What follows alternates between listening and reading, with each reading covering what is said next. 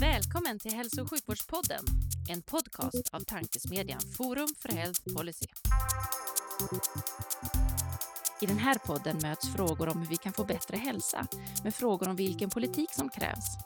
Det kommer bli samtal om personcentrering, ledarskap, digitalisering, organisation, politik och mycket mer.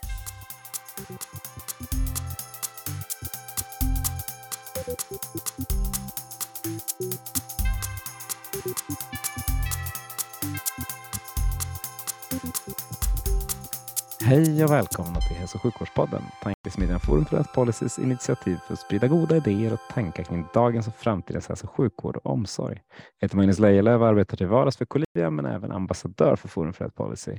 Och vid min sida idag i avsnitt nummer 99 av Hälso och sjukvårdspodden har jag en överläkare med kunskap och brinnande intresse för vården och patienterna. Jag ser fram emot ett intressant samtal kring mikrosystemet. Varmt välkommen Per Ståhl. Tack så jättemycket. Det var verkligen kul att få bli tillfrågad och vara med i det här, den här podden. Ja, det, känns, det känns jättespännande. Vi ska prata mer om dig och, och liksom vad du gör idag och har gjort fram tills nu. Men vi börjar ju som vanligt i den här podden med, med frågan hur du tror att svensk hälso och sjukvård ser ut 2040. Alltså jag tror 2040, det är om 13 år. Jag tror faktiskt att vi kommer att ha eh, 17 i varje fall. Förlåt, 17 år. Ja. Det var rätt. 17 år. Vi kommer att ha färre regioner. Jag tror vi kommer ha sex eller sju regioner istället för dagens 21. Oj! Och jag tror att vi... Eh, det, på, det ska ju tillsättas en utredning om statlig sjukvård nu och jag tror att den kommer landa i att vi inte ska ha statlig sjukvård, men att sjukvården behöver styras mer eh, från statens sida på nationell nivå.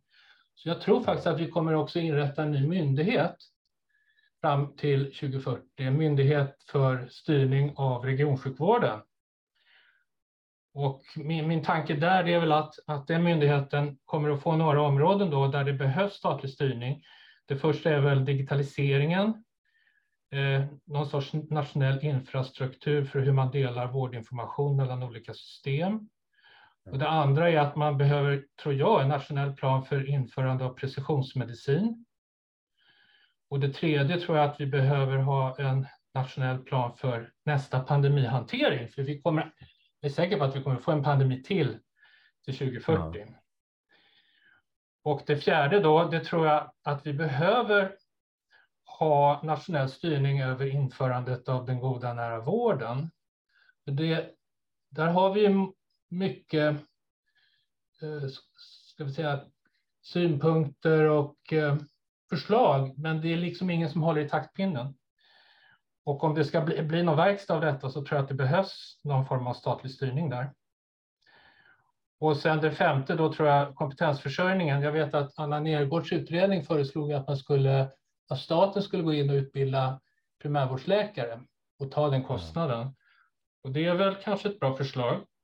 Um, och det sjätte tror jag att, att staten behöver också se över hur man finansierar utvecklingen mot god och nära vård och eh, man liksom kan styra mot ökad tillgänglighet, styra mot ökad relationskontinuitet och kanske ta också en del puckelkostnader som kommer att uppstå när man ska ställa om.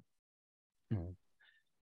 Ehm, så det tror jag, när själva organisationen så tror jag faktiskt att det kommer att bli mer statlig styrning, sannolikt i form av kanske en myndighet och färre regioner och regionerna kommer att bli mer likformiga då.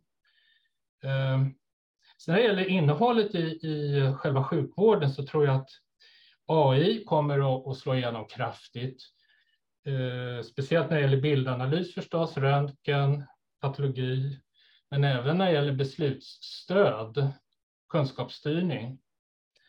Sen tror jag att precisionsmedicinen kommer att, att slå igenom. Ehm, redan nu så har vi den när det gäller ärftliga sjukdomar och eh, ja, cancer, men även, jag tror även på i framtiden även på kroniska sjukdomar som typ 2-diabetes och sådär. Så, så, och kanske även beroendesjukdomar, varför vissa blir beroende och andra inte. Sen tror jag att eh, när det gäller digitalisering så tror jag vi kommer att ha Cosmic 2 Millennium då, det är ju helt säkert, det vet vi redan. Eh, och jag tror att de kommer att kännas lite föråldrade då om 17 år. Så jag tror, tror jag också. Det tror ja, jag att du är Jag tror att redan om på. tio år så kommer man börja glunka om att vi måste ha 3G här nu, tredje generationens vårdinformationssystem. Det här, vi har ju levt med första generationen nu i, i 20 år och det här Cosmic 2 Millennium, det är andra generationen och den kanske kommer att leva i 10-15 år. Mm. Och, och, så tror jag att vi behöver 3G här med lite andra krav på eh, prestanda då. Ja, så tror jag massa andra saker. Jag menar, vi kommer. Kirurgin kommer utvecklas mer och mer mot minimalinvasiv kirurgi. Det är ju redan på gång. Endovaskulär eh, kirurgi, robotkirurgi. Vi kommer få nya läkemedel, läkemedel mot demens. Eh, vi kommer få nya läkemedel mot fetma. Fetmaepidemin kanske är utrotad 2040. Mm. Eh, vi kommer, alltså demens, om demensen bromsas upp så kommer vi ha fler patienter som, som kanske har lindrig demens och som behöver tillsyn och omvårdnad. Jag vet inte. Alltså det här kan ju gå åt olika håll. Absolut. Så att det, det här är några saker som, som jag tänker kring, kring 2040. Och det, det roliga är att du inte bara tänker vad som ska hända, utan du tänker på hur man ska lösa det också. Det är inte alla som gör det kan vi säga. Så den här myndigheten, den här myndigheten den har dock en hel del av det som, som ligger där är sånt som lite landar på SKR idag. Precis, SKR är ju någon sorts hybrid. Det är ju en arbetsgivarorganisation som har, eh, har väl, gör väldigt mycket bra grejer. De gör ju gör väldigt fina utredningar och de kommer med mycket goda förslag. Men det känns också som de är någon sorts krockkudde mellan regionerna och, eh, och staten på något sätt. Jag tror, att stat, jag tror att politikerna på riksnivå tycker att det är ganska skönt att ha SKR. För då slipper man ta i de här heta potatisarna. Man kan alltid be SKR utreda eller komma med goda förslag. Men de förslagen är ju aldrig tvingande, utan det är ju, det är ju stöd för regionerna. Beslutet ligger hos regionerna och vi har massa små regioner som har ont om pengar och de är hårt pressade och de stackars regionpolitikerna då, eh, om de har att välja på liksom att, att ett sjukhus som kanske går på knäna och eh, eh, att spara pengar på ett sjukhus som liksom tar hand om det akuta eller kanske någon eh, ny, nytt projekt när det gäller den goda nära vården så är det ganska självklart vad man inte spar pengar på förstås. Ja, det är ju så, även om även alla om förstår. SKR Nej. tycker då att man ska satsa på den goda nära vården så, så blir det liksom inte så i, i verkligheten eftersom de inte fattar beslutet. Så att jag tror att om man ska få verkstad här och verkligen få igenom den goda nära vården så då behövs det ju eh, att staten går in och dels definierar vad den ska innehålla. Så man får en minimistandard att de här komponenterna ska finnas i den goda nära vården. Mm. Eh, och sen så går det in och tar även puckelkostnader och, och med liksom. Jag tror att staten måste gå in och, och ta en del av finansieringen här för att att eh, det går liksom inte att flytta över pengar från sjukhusen idag till till primärvården eftersom sjukhusen är ganska hårt pressade. Ja, med överbeläggningar och så där. Så att du måste skjuta in pengar i primärvården först. Sen när du väl får en fungerande primärvård, när flödena in till akuten, eh, akutsjukhusen minskar och när flödena från akutsjukhusen ut mot kommunerna förbättras, då kan du börja rationalisera på akutsjukhusen. Men det är liksom en tvåstegsprocess som jag ser Absolut, och som just nu inte riktigt går att genomföra med tanke på hur strukturen är nu. Eller det borde gå, men det görs inte. Nej, men, men du Per, vad, vad, vi, vi tar tag i det här vidare. Det är många viktiga frågor, men vi måste slänga in dig i liksom, eller ge lyssnarna kontexten kring dig. Kan inte du berätta, vem, vem är du och vad, vad gör du idag? Alltså jag är en typisk sjukhusdoktor, men som du hör så vurmar jag ändå för primärvården. Ja, och det är ju så härligt att höra, för jag vet ju att du är sjukhusdoktor och blir så glad att det är liksom primärvården det första som kommer upp. Jag började jobba på, som läkare då på eh, somatläkare i Jönköping 1986, januari 1984. Så det är 40 år i januari nu. Gjorde AT där, så flyttade jag till Stockholm, började jobba på Huddinge sjukhus. Blev intresserad av eh, mag-tarm leversjukdomar, gastroenterologi och eh, jobbar på Huddinge sjukhus i, eh, vad blir det, 13-14 år. Eh, blev specialist i gastroenterologi, hepatologi. Eh, disputerade 95 på en leversjukdom, ärftlig leversjukdom. Och sen så 99 så kände jag att jag ville testa att vara sektionschef, så då blev jag det på Danderyds sjukhus i sex år. Sen kom jag tillbaks till Huddinge 2006 då och var sektionschef där i sex år. Och F 2012 så hoppade jag av eh, sektionschefskapet och ehm, eh, är vanlig överläkare, forskar lite, har en adjungerad professur sedan ett drygt år tillbaks. Leversjukdomar och undervisar en hel del kandidat, alltså studenter. Så att jag har en ganska bra mix av klinik, eh, forskning och undervisning tycker jag själv. Så jag trivs väldigt bra. Ja, det får man säga. Vad var det för sjukdom du disputerade på? Den heter hemokromatos. Det är en ärftlig eh, sjukdom som innebär att man tar upp för mycket järn och lagrar in järnet ah. i levern så får man leverskador. Så det är ingen stor artikel egentligen. Men den är av intresse faktiskt. Den är lite spännande. Jag bara tänkte ställa frågan, för det har hänt så mycket på, på liksom området kring levern, så jag var så nyfiken på om det var något som liksom du såg någon, stå, ser en stor skillnad på då, då kontra nu. Nej, inte mer än eh. att vi har genetiska markörer nu så att vi kan diagnostisera den här väldigt tidigt genom att ta gentester på folk. Så att ja. idag är det här inget stort kliniskt problem för att om du hittar sådana här sjukdomar i tidigt skede så kan du gå in och, och behandla tidigt så att de inte blir sjuka. Och det är ju liksom en beskrivning av hur sjukvården faktiskt förändras rätt mycket. Man ser det ju inte när man tittar dag till dag, men så när man liksom går tillbaka 30 år så märker man vilken ohygglig skillnad det är på, på en hel del saker. Vad är, vad är de stora skillnaderna från när du, jobbade, när du började jobba på, på Huddinge tills nu? Ja, det är, de stora skillnaderna är väl att vi har fått en helt annan eh, möjlighet att behandla kronisk leversjukdom. Den första levertransplantationen gjordes ju 1984. Det var ju precis innan jag började jobba där. Och innan dess stod ju de här patienterna.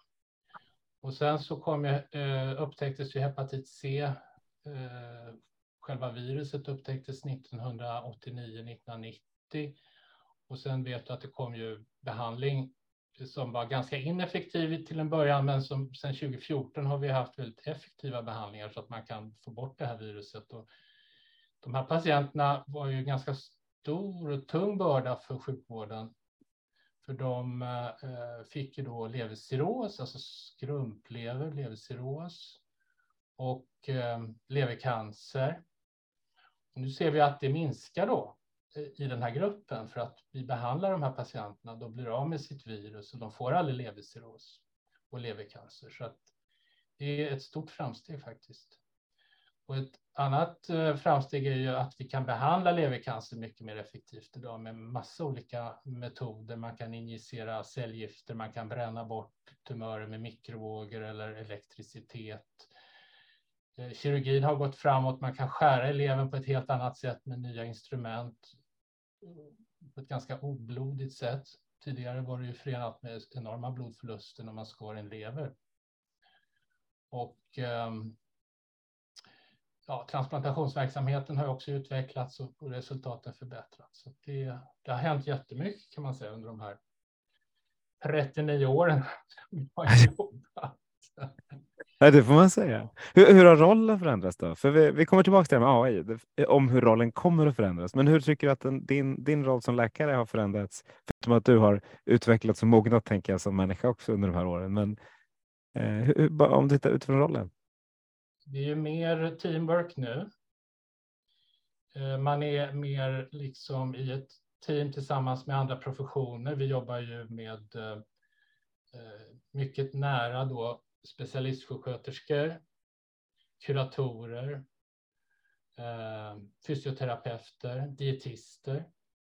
Och patientens delaktighet har ökat betydligt, mm. det måste jag säga. Mm. Vi har ju, Men... vi har ju sådana här multidisciplinära konferenser eh, där vi diskuterar svåra fall. Det hade vi ju inte tidigare, utan då var det mer att man satt på sin kammare och funderade hur man skulle göra. Och eller så gick man in till någon äldre kollega och frågade vad tycker du? Nu har vi alltså konferenser där det sitter folk från olika discipliner. Då. Det är onkologer och kirurger och radiologer och så vidare, patolog och medicinare. Så diskuterar vi eh, olika behandlingsalternativ och så kommer vi fram till ett förslag då. Eh, men, men Tidigare så sa man att vi fattar ett beslut, men det gör vi egentligen inte, utan vi fattar beslutet sen när vi eh, tillsammans med patienten.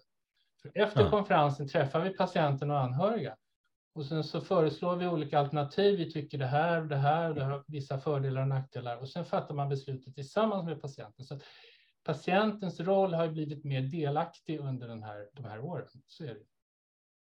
Absolut, och ändå så tycker man från patienthåll att, att man är för lite delaktig. Men det du beskriver är ju att det går åt, åt rätt håll utan tvekan. Ofta, jag, jag, kan förstå att patienten tycker det, för att det, det, här fungerar ju olika i olika situationer och på olika ställen. Ja. Eh, men det är en process tror jag som, som tar lite tid. Men vi är på väg åt det hållet i alla fall. Ja, men eller hur. Och, och då, i din roll som sjukhusläkare så, så nämnde du nämnde tidigt primärvården. Hur, hur är, liksom, hur, hur, är ditt, din relation till primärvården? Det, hur, hur, samarbetar ni utifrån ditt håll med primärvården? Alltså, I Stockholm så har vi ju ett uh, vårdinformationssystem som heter Take Care. Mm. Och, alltså, det kom ju 1999 till oss och det, vi har det fortfarande i drift. Och faktum är att det är faktiskt väldigt bra ur användarsynvinkel. Oj, det är inte ofta jag hör Nej, dem. Det, det är därför man är lite så där skeptisk till de här nya systemen, men jag hoppas att de blir ännu bättre förstås. Eh, nej, men det som är bra med TechCare, det är just att, att eh, man kan skicka elektroniska remisser kors och tvärs, man kan kommunicera elektroniskt med andra medarbetare. Och, eh, och det här med elektroniska remisser, det har ju utvecklats de senaste åren eftersom fler och fler vårdcentraler då har anslutit sig till det här systemet. Mm. Så att när jag har en patient som jag eh, vill diskutera med vårdcentralsläkaren så kan jag skicka som en remiss. Eh, det blir som ett brev kan man säga, där jag föreslår vissa saker eller frågar vissa saker och så får jag ett svar. Så man kan alltså kommunicera med primärvården via eh, vårdinformationssystemet. Mm. Eh, egentligen så är det inte tänkt att vara ett kommunikationsverktyg utan mer ett remisshanteringssystem, men det fungerar i praktiken som, som ett sådant. Och eh, det finns ju mycket som, som kan förbättras, till exempel när patienten ligger in, inlagd på sjukhus så vill man ju egentligen kommunicera det till patientens husläkare eller, vård, eller primärvårdsläkare. Och det fungerar inte riktigt så idag. Så att kommunikationerna min önskan är att de ska bli ännu bättre förstås. Mm.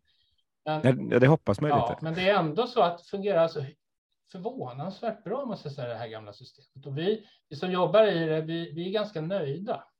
Och det är kanske därför som Stockholm har bromsat övergången till eh, Millennium som de tänkte, eller Cosmic 2, vad det nu blir. Vi får se. Eh, för det gäller att, det, eh, att andra generationen har de här funktionerna också som inte tappar dem.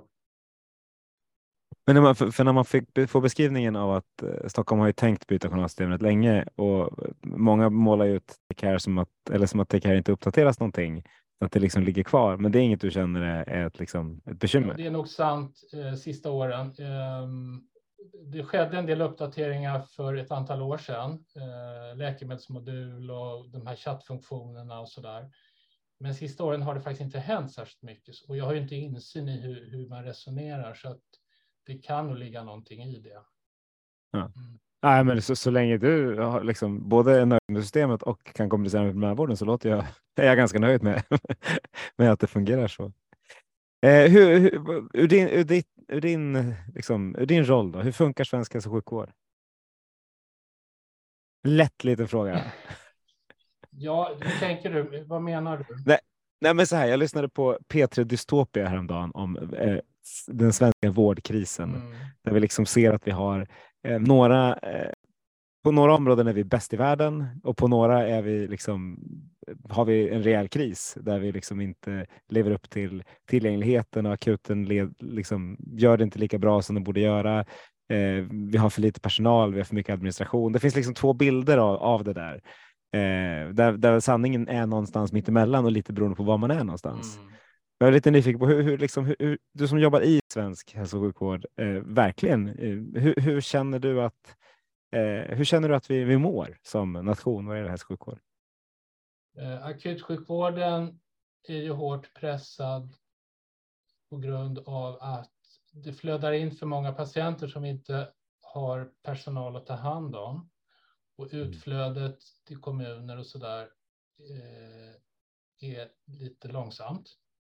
Ja. Så att det, är en flask, det finns ju ett antal flaskhalsar inbyggda i, i systemet.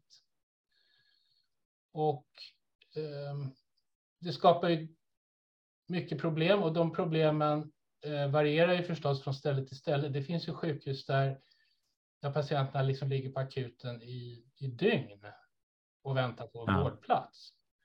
Och läkarna, de hinner liksom inte idka sjukvård, utan de springer runt och letar platser och sitter i telefon och så där. Jag menar, det är totalt ineffektivt med mm. de här flaskhalsarna. Men så finns det ju då andra sjukhus eh, där det här fungerar mycket bättre. Eh, så att det är ju inte en, en, en svart bild överallt riktigt, kan jag tycka. Karolinska är ju speciellt i och med att vi är ett universitetssjukhus. Och eh, jag själv jobbar inte i akutverksamheten utan vi får ju liksom patienter från, från akuten som hör till vår enhet så att säga. Mm. Hos oss fungerar det här bra. Jag tror att vi är ganska förskonade från, från mycket av den här problematiken. Eh, tack vare att vi har inte någon extrem brist på personal. Vi har ju en del inhyrd personal så där, men det, det fungerar ändå. Så att ur mitt perspektiv så, så fungerar det ganska bra. Eh, men alltså grundproblemet som jag ser det, det är väl att den goda nära vården är lite för mager. Aha. Och om den är för mager, då söker sig folk till akuten. Och då eh, blir det överbelastning där. Och sen så blir det liksom stas och flaskhalsar i akuten. Så jag tror att lösningen för för akutsjukvården, det är nog att bygga ut den goda nära vården. Ja. Det är som jag ser i alla fall. Absolut. Är det några fler flaskhalsar du ser? För är det ett tydligt flaskhals på akuten eller två? Är det några fler du ser i systemet som du säger, ja, det här skulle man behöva? Ja, men det kan ju vara att, att uh, det fattas personal på specifika avdelningar som har specifika uppgifter, till exempel uh, om man tar våra, vårat exempel och gastroenterologi, hepatologi så är det ju patienter då kanske med Crohns sjukdom och med levercirros som är med komplikationer. Och där har vi då personal som är specialutbildad för att ta hand om, om det här. Eller kirurgiska patienter som har genomgått stor eh, bukkirurgi. Och det krävs ganska mycket kunskap från sjuksköterskorna till exempel, undersköterskorna för att hantera de här patienterna på ett effektivt sätt. Om man då har en flaskhals i att man inte har personal på en avdelning utan måste sprida ut de här patienterna på, på ögonavdelning, öronavdelning, gyn och så vidare så blir det oerhört ineffektivt. Dels för att personalen mm. på de avdelningarna inte har den utbildningen att ta hand om det här på bästa sätt. Och då blir det förlängda vårdtider och sen ska läkarna springa runt på olika ställen och leta upp de här patienterna och eh, leta upp rätt sköterska som har hand om just den patienten. Och det blir alltså det är en ineffektiv sjukvård. Eh, man tror att man spar pengar på att minska vårdplatser eftersom varje vårdplats kostar 10 000 kronor per dygn. Så, så kan man då i, i, tycka att ja, men vad bra att vi minskar vårdplatserna för då spar vi pengar. Men i själva verket förlorar vi pengar för att själva sängen kostar ingenting utan det är personalen som kostar. Och om de jobbar ineffektivt så, så blir varje vårdplats ännu dyrare. Ja, en ganska tydlig poäng. Om, du, om vi går till, hopp, jag hoppar lite mellan alla roliga saker här. Du, du, du nämnde att du vill ha sex, sju regioner i Sverige. Ja. Eh, och, och, så, och det, det, det, har kommit upp några gånger. Jag tror vi förstår lite var man kommer ifrån. Det, det finns ju effektivitetsvinster att göra. Men hur, hur tror du det liksom praktiskt skulle, skulle gå att genomföra och vad, hur hade vården tagit emot det? Jag tror att det är lätt att genomföra. Om man Aha. verkligen vill. Vi har ju redan sex sjukvårdsregioner. Eh, det betyder ju alltså eh, sjukvårdsregioner, det är inte samma sak som regioner, utan det är de här storregionerna där det finns ett universitetssjukhus och så ett antal regioner då som eh, samarbetar kring vissa frågor. Och det är bland annat eh, eh, cancerstrategin. Där har vi ju sex sjukvårdsregioner. När det gäller precisionsmedicinen så har vi ju eh, det här Genomics Sweden, det är också sex regioner. Eh, så att det finns ju redan ett frö till detta och vi har sju universitetssjukhus i Sverige. Så att man kan tänka sig att man har sju eller sex regioner då. Uppsala, Örebro, slås... Det är de som brukar få tjafsa lite. Ja, det är de som har två universitetssjukhus, samma sjukvårdsregion. Exakt hur de ska delas upp och så, det får man väl diskutera. Men jag tror att det är en fördel för att då blir regionerna ungefär, de blir inte likstora, det blir de inte, för att Norrland, Region Norrland blir kanske 800-900 000 invånare och Region Stockholm kommer fortfarande ha 2,3 miljoner, Region Stockholm Gotland. Och sydöstra kommer också vara lite mindre. Ja. Men, mm. Så att, att äh, men jag tror att då får du liksom en infrastruktur i varje region som är ganska likformig med, mm. du har den eh, basala sjukvården, eh, den goda nära vården, som, där jag även inkluderar geriatrik, palliativ medicin, ehm, eh, äldreomsorg som sköts av primärvården, BVC, MVC som sköts av primärvården och även avancerad sjukvård i hemmet, livets slutskede. Mm. Allt det här tillhör den goda nära vården. Så, som jag ser det så är den goda nära vården, det är alltså vård som inte är relaterad till specifika sjukdomar i specifika organ. För då, då behöver du kanske specialistsjukvård som är mer organspecifik, elektiv sådan, eller kanske akutsjukvård som är mer organspecifik. Utan den goda nära vården, det handlar mer om att du ska ha vård i livets olika skeenden. Du ska ha vård när du är, är nyfödd, eh, när du är tonåring och när du blir gammal och blir multisjuk och när du håller på att dö. Då ska du ha liksom vård oavsett vilken orsak du har till din sjukdom. Så för mig är den goda nära vården liksom hela det här paketet. Och sen nästa nivå, det är då um, kan man säga, det är den mer organspecifika elektiva vården där vi har liksom kataraktkirurgi, artroskirurgi, galloperationer, ljumskbråck och så vidare. Och den, den är ju, det handlar mer om produktion och kvantitet och medicinska resultat. Och där är det inte liksom lika viktigt kanske med, med kontinuitet och så där. Och nästa nivå är, och den kan också ligga ute på privata entreprenörer, för det blir ofta väldigt effektivt. Det ser vi ju i Region mm. Stockholm, tycker jag. Och nästa nivå, det är ju liksom akutsjukvården. Och där behövs det då ett antal sjukhus och då kan de liksom, eh, om man har större regioner så kan de profilera sig lite olika, vilket kan ge effektivitetsvinster. Och så har du den fjärde nivån, det är universitetssjukhuset och då har du ett universitetssjukhus i varje region. Och då kan du skapa det som tidigare hette nätverkssjukvård så att man har liksom akutsjukhusen har sina eh, kontakter med primärvården eh, och universitetssjukhuset har sina kontakter med akutsjukhusen. Det kommer ju underlätta då både forskning, och undervisning. Du kan, studenterna kan liksom komma ut i, i, på de andra sjukhusen, på de andra man behöver inte byta region och skriva avtal, utan allting är liksom in-house, in region. Eh, du kan få effektivitetsvinster genom att fördela liksom olika specialiteter olika på olika sjukhus. Så att jag tror absolut att vi måste gå alltså, mot det här. Det är helt mm. nödvändigt. Jag tror inte att vi, vi kan fortsätta som vi gör idag. På tal om fortsätta som man gör, så i Danmark och Nederländerna så kommer man fram till att det behövs ungefär 400 000 invånare per sjukhus för att det ska bli effektivt. Och slog ihop en massa sjukhus. Vad, vad tror du om det? Hur, vad tror du? Tror du vi har lagom många sjukhus i Sverige? Har vi för få eller för många? Det är ju lite speciellt i Sverige eftersom vi har mycket glesbygd. Mm. Det har vi, men, vi, men man tänker Blekinge och Halland. Ja, det finns ju liksom många där vi har ganska många sjukhus. Alltså Stockholm jag, för den Jag är inte den person som har insikt i det, men jag, jag, kan ju liksom bara reflektera över att, att Blekinge som har vad är det, 150 000 invånare i regionen, något, något sånt där. Har, är det två sjukhus de har? Ja. Ja. Det verkar ju inte så kostnadseffektivt kan jag tycka. Det är inte jättelånga avstånd heller. Precis, och så är det två mil till Kristianstad som liksom Ja. också har ett sjukhus. Att, att det är klart att. Men om man nu ska reformera eh, sjukvården så i min bild är att man man börjar med att skapa de här stora regionerna. Det är liksom steg ett.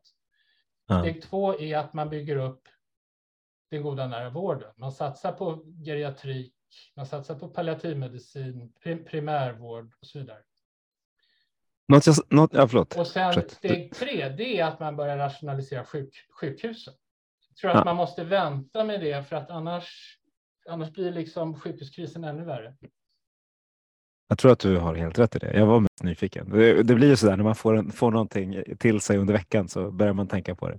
I alla fall jag, funkar jag så.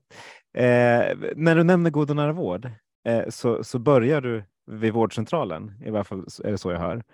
I, i, min, I min bild av vad den goda nära vården så borde den börja lite tidigare med liksom apoteket och med ICA och Friskis Svettis och så där. Det som liksom förstadiet som jag tänker att vi så vi får den här preventiva delen också. Vad, vad, vad tror du om den tanken?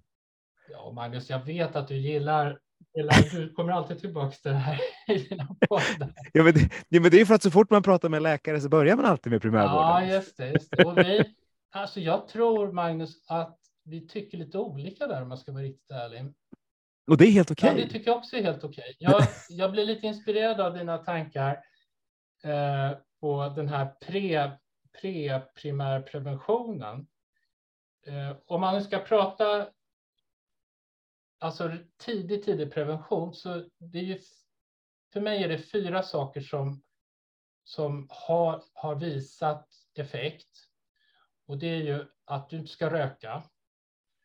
Du ska inte dricka mer än vad det, nio standardglas alkohol i veckan. Du ska inte ha ett BMI över 30. Och du ska inte äta för mycket eh, ultraprocessad mat. Man brukar Den här smyga, sista smyga in, kanske är lite kontroversiell. nej, men det, man brukar smyga in trä, trä, en viss mängd träning oavsett om det är promenader eller inte Ja, och det, lite det, sömn det, också. det, det glömde jag faktiskt. Du har helt rätt. Att man ska röra på sig och då är det ju att man inte ska sitta still då. Det där med maten kan man baka in kanske i, i eh, BMI. Men det, här jag sakerna- tycker den här ultraprocessade behöver vi, vi behöver djupdyka den också sen. Så. Ja, alltså, alltså, de här sakerna har man ju visat att de har effekt. Och då är det så här att när, när folk är friska och inte söker sjukvård, vem ska då um, stimulera till detta? Är det, är det verkligen sjukvården? Är det verkligen vårdcentralen? Jag tycker inte det. Jag tycker att det här ligger liksom på andra aktörer. Jag tycker att det här ligger på, på man, alltså, egentligen politiska beslut och man skulle kunna införa sockerskatt. Man skulle Mm. kunna införa lördagsstängt på systemet. Man skulle kunna införa eh, en timmes gymnastik, eller det hette, det heter inte gymnastik längre, hette det på min Idrott och hälsa. Varje dag i skolan. Eh, man skulle kunna subventionera eh, idrottsklubbar för, för ungdomar och så vidare. Och så vidare. Så det är politiska beslut, men många av de här politiska besluten är ju oerhört impopulära. Så det är Mm. därför folk inte vill ha dem. Man vill inte ha sockerskatt, man vill ha lördagsöppet på systemet. Fast man vet att de här, såna här, den här typen av politiska beslut har ju faktiskt effekt. Eh, så det är det ena. Men, och det andra är ju då att sjukvården har liksom eh, måste ju kunna ta hand om de sjuka patienterna. Vi har liksom inte kraft och tid att ägna oss åt friska människor, utan då tycker jag det är bättre som, som du var inne på, att apoteken, eh, man kan ha hälsocentraler, man kan ha eh, utbildningar via, via Friskis och Svettis. Det handlar om att stimulera folk till ett sunt leverne genom att med olika aktiviteter. Däremot när det handlar om patienter då som har drabbats av kronisk sjukdom, liksom typpatienten är kanske en typ 2-diabetiker som kanske dricker lite för mycket alkohol, som eh, kanske har ett BMI över 30 och som kanske röker. Och så söker den personen eh, primärvården. Då är det ju självklart att primärvården ska gå in och försöka styra upp de här riskfaktorerna som en sekundär prevention. Mm. Där har ju verkligen vården en, en, en roll. Men att hålla på och, och ge sig på friska människor och säga att de ska leva si och så, det tror jag inte är sjukvårdens sak. Det är min, min uppfattning. Men och jag tror att du och jag tycker helt lika där. Det jag tycker, det är att man borde koppla på den liksom informationen som finns om mig så att det kommer en varningssignal till vården när jag borde bli en del av vården. Så att vården, även om jag sköter det där själv, så är vården liksom ansvarig för att se till när det börjar gå åt skogen så att inte jag kommer rökande med ett BMI över 30 utan att när jag, när jag har ett BMI på 27 28 kanske, eh, så, så, så plingar det till. Så, så kan man liksom få en interaktion. Så vem det ska vara den instansen. Men jag tycker vi just nu så, så liksom går vi från eget ansvar, där vi vet att det är väldigt ojämlikt, till att någon blir sjuk och då blir det vårdens... För, för mig finns, saknas det något där, men det, det kanske är kanske bara jag. Nej, men alltså Magnus, alltså för all respekt för, för din tanke där. Eh, jag tror att det är väldigt svårgenomförbart av integritetsskäl. För att de som lever sunt som du och som tränar och äter bra, de vill gärna liksom att vården ska få reda på det. att då får man en klapp på axeln. Men de som lever osunt, eh, jag tror att de skulle slå bakut om, om, om de fick en signal från husläkaren att nu har du liksom druckit lite för mycket eller nu har du eh, inte rört på dig de där 10 000 stegen. det, det, blir liksom en integritetskränkning. Alla har ju rätt på något sätt att leva sina liv. Det, det, så det, det, blir en problematik där som kan vara svår. Men vi har ju liksom börjat säga nej till att du ska röka innan du ska få en ny knäled och såna här saker för att vi förstår att det är ju inte bra eh, och att det påverkar. Eh, men, vi, men man får fortsätta röka och får man skaffa sig diabetes eller, eller KOL, det är helt okej. Okay. Nej, jag tycker alltså anledningen till att man, man förordar rökstopp för kirurgi, det är för att man får försämrad sårläkning. Absolut. Det är, liksom inte, Men du får, moral, du får också, det är inte några moraliska skäl. Utan... Men du, du får ju lätt försämrad lungfunktion av att röka ja, också. Alltså, så det är, om, man, om man vill dra det hela vägen. Ja, men det är klart att vi ska, att vi ska um, motverka rökning. Men vad jag menar är att vårt central, eller läkarnas uppgift är att ja. ta hand om sjuka patienter och eh, sköta sekundärpreventionen. Jag tror att det är svårt att vi som läkare ska gå ut bland friska och sköta primär, pre-primärpreventionen. Det finns andra personer som är mycket duktigare på det än vad vi är. Eh. Vi skulle kunna ha hälsocenter eller något sånt där som sprider liksom goda budskap. Men behöver inte drivas av läkare just. Eller Nej, nu, nu råkar jag bo granne.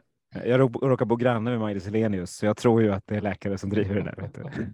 Men, men jag förstår. Jag, jag håller med dig. Det, jag försöker väl provocera lite för att jag tycker det är ett spännande område. Ja, det är kul liksom, att, att tänka lite nya tankar, absolut. Jag tycker också det.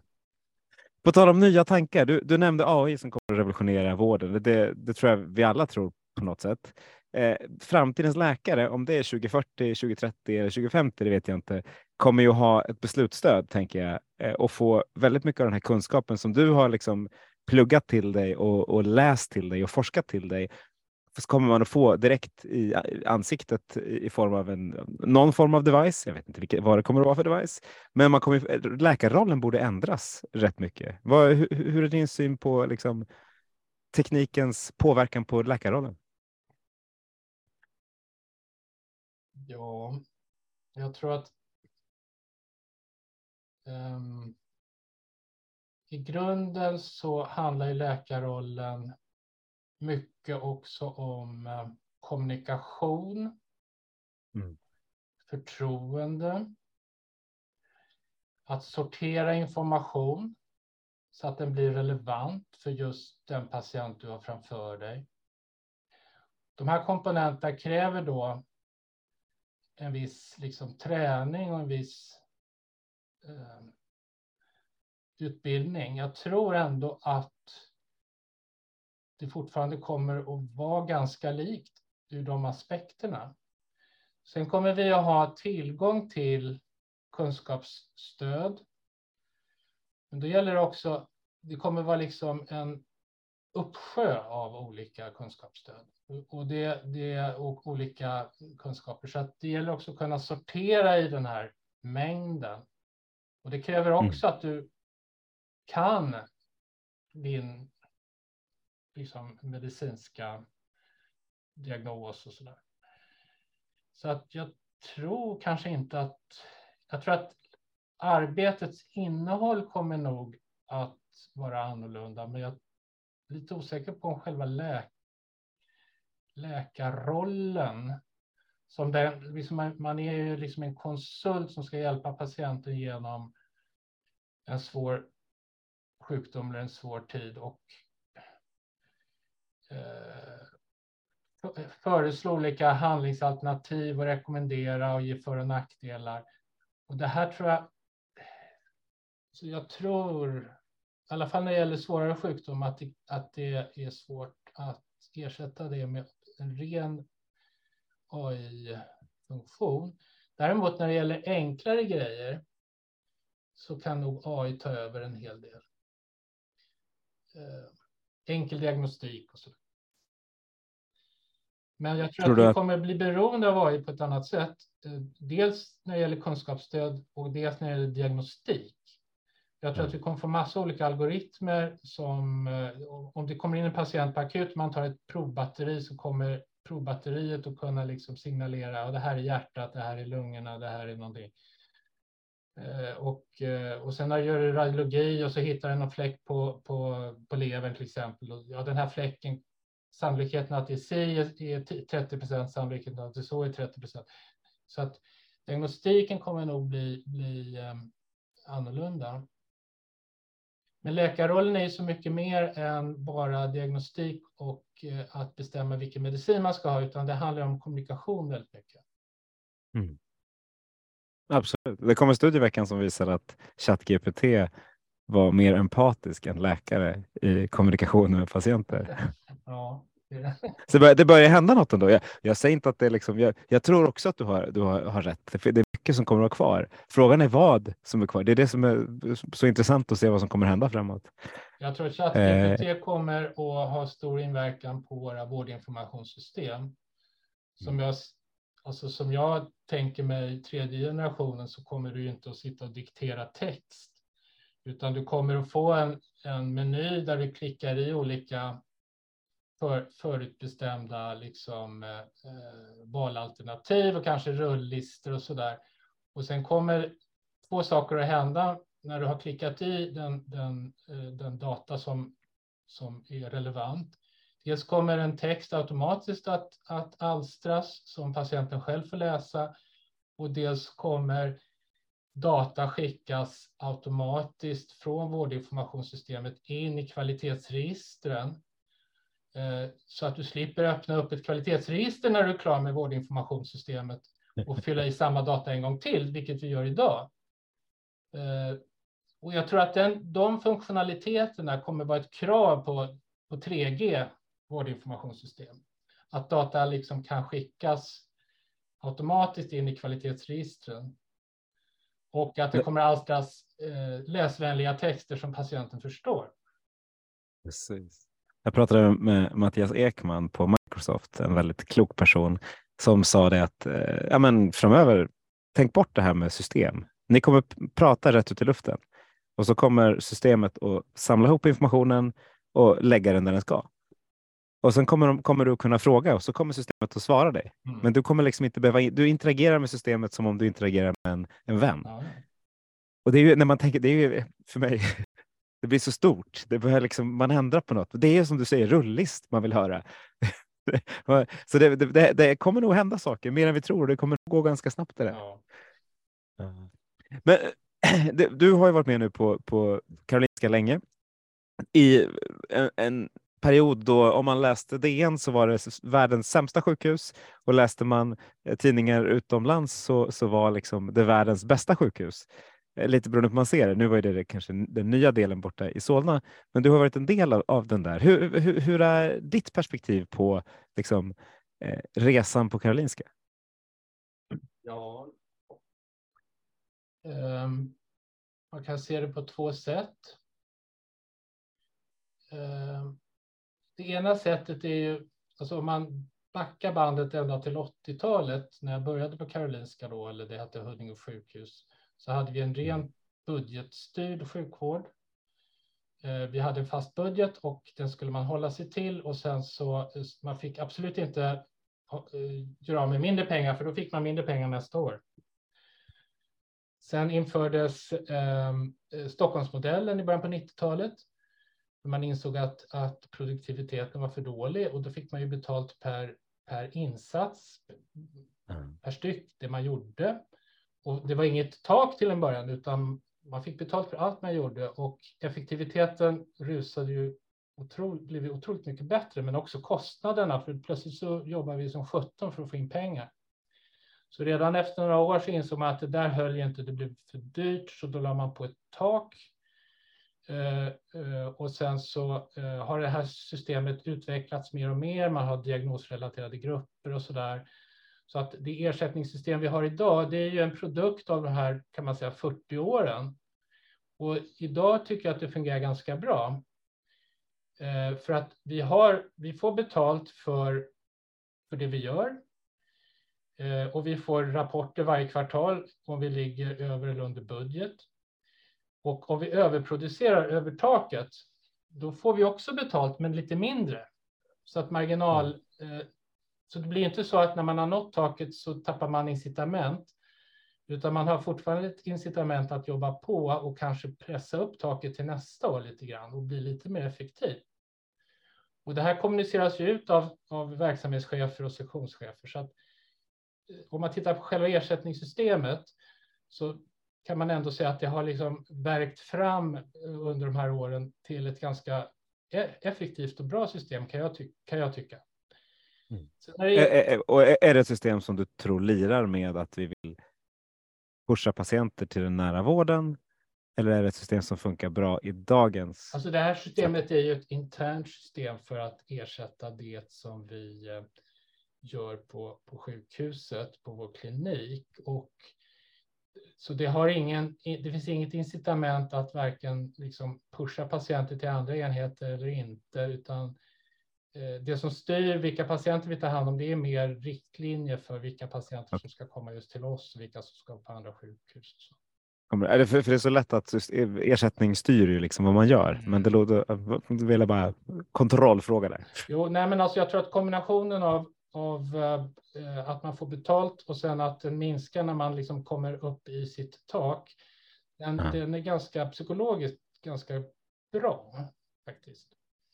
Sen så den andra komponenten då som, som eh, det handlar om läkarrollen under de här åren. Och läkarrollen på 80-talet var ju eh, man var ju väldigt liksom, auktoritet och det fanns. Det var ju liksom en hierarki på ett annat sätt. Och läkarna under 90-talet så uppfattar jag i alla fall att, att många, in, många inom eh, eh alltså som, som styrde regioner eller SK, SKL som det hette på den tiden. Mm. De var liksom skeptiska till läkarnas eh, vad ska jag säga, inställning för att man de tyckte att läkarna var en privilegierad grupp. Man talade egen sak, man värnade sina egna privilegier.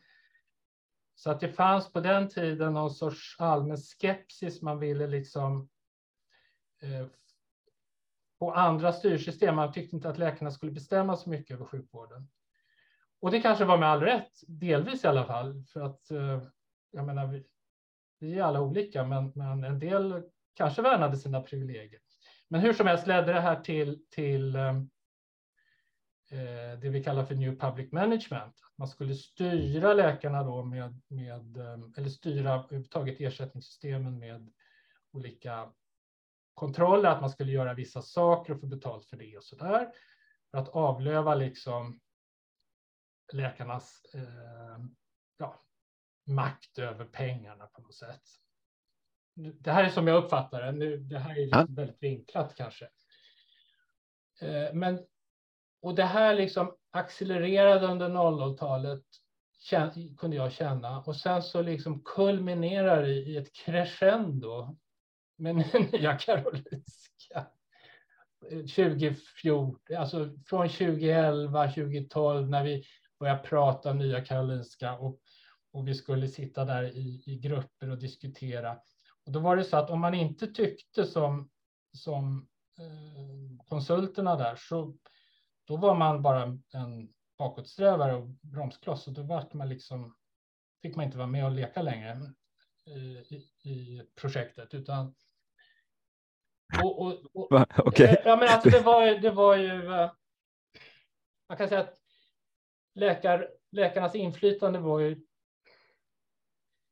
minimum just, just under den här perioden när man skulle bygga upp för att det var mycket motstånd mot den här processen bland läkar, läkarkåren. Och det är klart, har man bestämt sig för att driva den här processen så vill man inte ha eh, massa folk som klagar och sätter sig till motvärn, utan man vill ha positiva personer. Det är inte så konstigt. Hur som helst så ledde ju, som ni vet, eller som du vet, eh, den här hela det här eh, eh, Nya Karolinska processen till eh, ett kraftigt underskott då i början på 2019 som Björn Svega har pratat om i, i den här podden. Eller hur? Ja, och, så att det liksom gick ju mot ruinens brant ganska snabbt. Och de politiker som hade drivit igenom NKS-projektet hade ju slutat vid den tiden och det kom nya politiker som då var förnuftiga nog att liksom bromsa det här och eh, Björn fick fria händer och, och reda upp i den här soppan. Så att, eh, och det gjorde han ju med all den äran, så det har blivit väldigt bra. Nu är det ju fantastiskt bra. Eh, och, och efter det, och på något sätt så, så känner man läkarkåren på något sätt fick någon sorts revansch där att titta, det, var, det blev som vi tyckte. Det ja. blev som vi befarade. Och sen kom ju pandemin ovanpå detta precis efter. Och då plötsligt så, så fick vi fria händer att bedriva sjukvård utan att någon annan eh, höll på att räkna pinnar eller styrde och ställde. Och då, då vände det. Så nu pratar man om tillitsbaserad sjukvård. Nu pratar man om att professionerna måste vara med i styrningen. Professionerna måste vara med i planeringen. Och jag är oerhört glad för detta. Att, att eh, plötsligt är vi med på banan igen och får vara med och, och styra och eh, tycka och planera. Och delta i, i, i verksamheten. Och vad, vad, är det som blir mest annorlunda då när, när, ni får vara med och delta och tycka och planera? Det är mer kanske en känsla av delaktighet att, um, att um, man lyssnar på oss. Vi kommer med förbättringsförslag och, och eh, Eh, jag menar högsta ledningen, eh, Björn Soega och dem, de, de kommunicerar ju neråt hela tiden till verksamhetschefen och till verksamheterna och lyssnar av stämningen. Och eh, de har, inställningen är ju att, att kärnan i styrningen av ett så stort sjukhus eh, som Karolinska ligger hos ute i verksamheterna hos verksamhetscheferna och sektionscheferna. Mm. Det här som jag berättar nu, det är min personliga syn, så det är ju liksom ganska färgat av mina erfarenheter. Så att man får ta det lite med en nypa salt. Men det är det man vill ha. Det är det som är kul med att prata med dig också. Men du har en liksom lång kunskap från vården, men du, den är från en liksom annan del av vården än vissa av de andra jag pratar med. Så det är kul att se olika perspektiv i det så att säga. Så jag är helt nöjd. Men du, eh, det låter som att du har ett roligt jobb, i alla fall när du pratar om det. Eh, vad, vad, tror du om liksom den stora utmaningen som vi tittar framåt? Det är en av alla många, men på din lista där så fanns kompetensförsörjning med. Hur, hur, ska vi göra för att få fler att vilja jobba i vården och få de som utbildas till vårdprofessionerna faktiskt vilja jobba liksom, på sjukhus och vårdcentraler med patienter? Um, ja, man måste skapa en bra arbetsmiljö förstås. Mm. Och det, jag tror så här att det är tre delar i detta, tre komponenter i detta. Och den första komponenten det handlar om eh, vilka människor söker sig till här, den här verksamheten? Jo, jag tror att det är människor som, som eh, mår väldigt bra av att hjälpa andra människor. Ja, man hoppas ju det. Jo, men jag tror att, kan, nu kan jag egentligen bara tala för mig själv, men att, att människor är olika. Och en, har man en läggning att man gärna vill hjälpa och få bekräftelse på från den man har hjälpt att det här var väldigt bra. Om man då känner en väldigt stark tillfredsställelse och lycka över det, mm. så söker man sig gärna till den här typen av verksamhet. Och jag tror att den här reaktionen är lite olika stark hos olika personer. Så att jag tror att det är en selektion av människor som, som upplever den känslan i hälso och sjukvården. Och då gäller det att bygga en verksamhet där man hela tiden får möjlighet att känna den här känslan. Eh, att du får träffa människor som du kan hjälpa och att du får bekräftelse på att de är nöjda att du har hjälpt dem, för då mår du väldigt bra. Om du istället har en verksamhet där du hela tiden måste göra avkall på din eh, eh liksom, känsla av mor moraliska rättfärdighet eller du måste skicka hem patienter som inte är färdigbehandlade för tidigt. Du har inte tid att informera dem ordentligt och så vidare.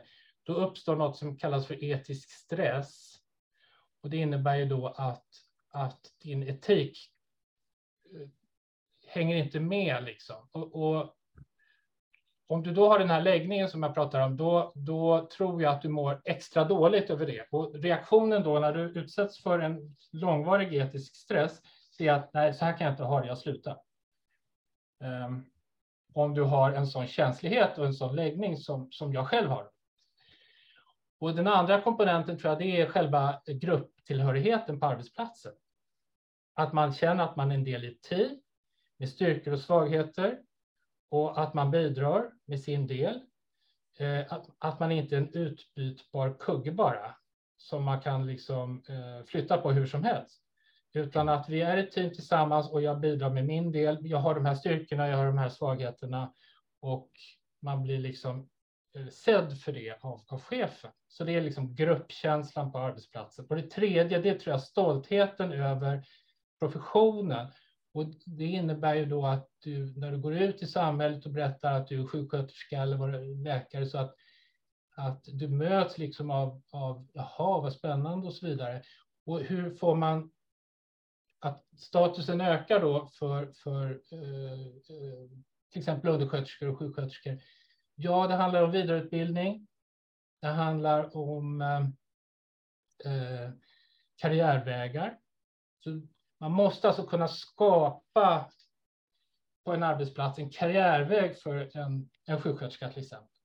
Så att hon mm. inte behöver liksom jobba med samma sak hela sitt liv, utan det ska finnas. För läkarna finns ju det väldigt tydligt, så vi är väldigt privilegierade där.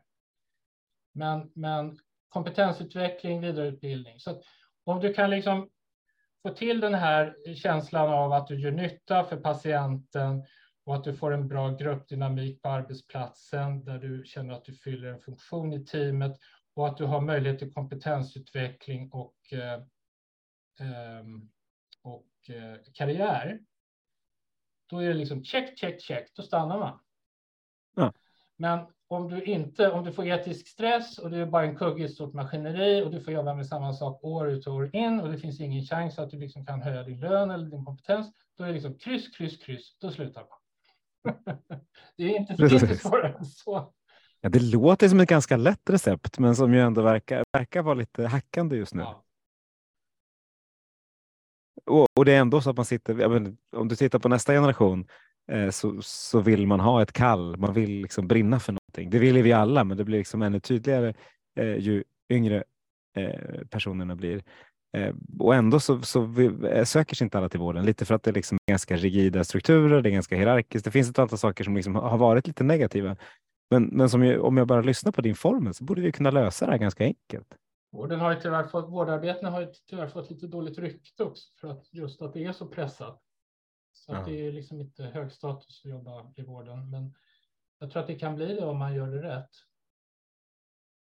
Ja, verkligen. Eh, nu har vi pratat en dryg timme. Jag vet inte hur det går till, eh, men varje gång man sitter och småpratar lite så plötsligt så, så har man passerat en timme. Det är fantastiskt. Eh, när, när du kom in i det här digitala rummet, var, var det något du hade velat prata om som jag inte har lyft? Jag skickade, för, för läsa, jag skickade lite frågor innan och jag har inte alls ställt alla dem, Nej. utan för det har varit så många, många härliga trådar vi har kunnat lyfta i. Så jag tänkte då kollar jag om det är något du, du vill lyfta. Ja, men det är, det är väl en sak egentligen som jag har funderat lite på och om man bortser från det medicinska innehållet, Ja. vad, vilka komponenter finns i sjukvård? Och det har att göra med eh, hur sjukvården ska liksom, eh, styras och mätas kanske.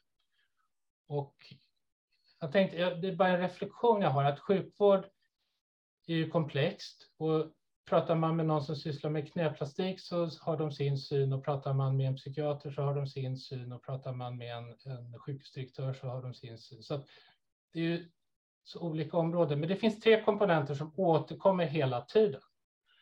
Och det är, tror jag, det är de tre komponenterna produktion, service och relation. Alltså relation tillit. Mm. Och så har vi det är hela tiden en mix av de här tre komponenterna i all vår verksamhet. Men den mixen ser olika ut beroende på var du befinner dig i sjukvårdsapparaten. Så att om du till exempel befinner dig i, i den goda nära vården, då är det kanske inte så mycket produktion, utan då är det mer eh, service och relation tillit. Befinner du dig i den elektiva och organspecialiserade vården där man eh, eh, sysslar med liksom knäplastiker och kataraktkirurgi, då är det mer produktion. Och då, om du ska då mäta resultat där, då får man mäta kostnad, eh, medicinska resultat och volym. Medan om man ska mäta liksom i, i eh, eh den goda nära vården, då kanske man ska mäta eh, Eh, patientnöjdhet, relationskontinuitet, eh, tillgänglighet. Eh, därmed inte sagt att det sker en viss produktion även där. Jag menar, det är ju blodtryckskontroller och det och så vidare. Och så vidare. Men, men mixen blir liksom annorlunda på de olika nivåerna. Och när man kommer upp på akutsjukvården, då handlar det ju då kanske man ska mäta mer eh, medicinska resultat och återinläggningar, för där har du ju mer kanske en blandad mix av de här tre. Mm. Eh, Så beroende på var man befinner sig så, så tror jag att, man, att både ser lite olika ut och det är olika mätetal som man, som man ska eh, eh, använda. Och, och vi har ju så mycket data i vården. Det är, tittar man från sidan så blir man liksom nästan avundsjuk av hur mycket, hur mycket det som går att mäta. Och så blir man förvånad över hur lite som mäts eller styrs på. För, för som du säger, visst det är olika saker man ska mäta, men man borde, vi borde ju mäta mer och visa upp mer och, och lära oss av dem som faktiskt verkar, okej, okay, den här vårdcentralen sköt, liksom har kommit långt i omställningen till den goda och nära vården. Vad är det man gör rätt och vilken balans har du? Så där? Vad, vad, vad, tror du, kan man lära sig något av näringslivet till exempel här? Alltså när det gäller komponenten produktion, då tror jag absolut, jag sysslade ju eh, med sådana här förbättringsarbeten på, på 90-talet då, eh, på Huddinge. Och då hade vi något som hette Toyota-modellen. Oh, gamla lean-modellen. ja, och lean och sådär. Och, och då var det mycket fokus på liksom få bort flaskhalsar och, och produktion. Så jag tror att bilindustrin, ur, ur, den aspekten så kan vi lära oss väldigt mycket där. Eh, men det är bara den lilla komponenten som handlar om produktion. Sen när det gäller social service, då tror jag att vi, vi eller social service, då tror jag att vi kan lära oss väldigt mycket från hotell, restaurang, eh, flyg, flyget kanske. Och när det gäller relationsbiten, att skapa eh, relationskontinuitet och tillit hos patienten och trygghet. Ja, jag vet inte, Svenska kyrkan kanske. Mm. Ja, men, det är jättebra, det är det man skulle vilja göra. Alltså det är de här, jag ser det som tre komponenter som liksom alla måste få sin plats hela tiden. Man kan och som inte man måste bara träna liksom se det som en bilindustri eller som en, en, en, en hotell och restaurang, utan vi måste även få in den här relationella komponenten. Absolut, men vi måste också se det som en bilindustri och en restaurang och det gör man inte alltid. Exakt. Exakt. Jag håller fullständigt med. Kul. En av mina favorithistorier var en, en chef på ortopeden på SÖS på, i början av 2000-talet som tyckte sin, deras receptionister var lite inte så glada. Så han skickade dem en vecka till Clarion Sign, eh, för det var, det var de han tyckte var bäst. Och så fick de gå bredvid och lära sig. Eh, och, och, oavsett om det är en skröna eller inte så är det, liksom, det säger någonting. Så här, ja, men okej, vi, vi får lära oss av dem som vi tycker är bäst och det tycker jag vi kanske gör lite för lite. Vi lär oss av andra sjukhus och andra länder, men vi skulle kunna lära ännu mer av andra delar i, liksom, runt om som är bra på saker och ting. Mm. Toyota är väl ett ypperligt exempel. Ja, bara man inte liksom tror att det är den enda saliggörande eh, eh, faktorn som, som hjälper, utan man, att det är en komponent i ett väldigt komplext system. Ja, hälso och sjukvård är ju... Ja, men exakt. Hälso och sjukvård är ju komplex. Det är ju inget snack om det och det, det har den senaste timmen också belyst. Mm. Jag får tacka varmast Per. Ett väldigt trevligt eh, och givande samtal eh, om mm, stora och små saker, precis som man vill ha det. Tack själv. Det var väldigt trevligt att få komma hit. Grymt. Men du, då går vi ut och förändrar svensk hälso och sjukvård till bättre. Tack. Hej. thank you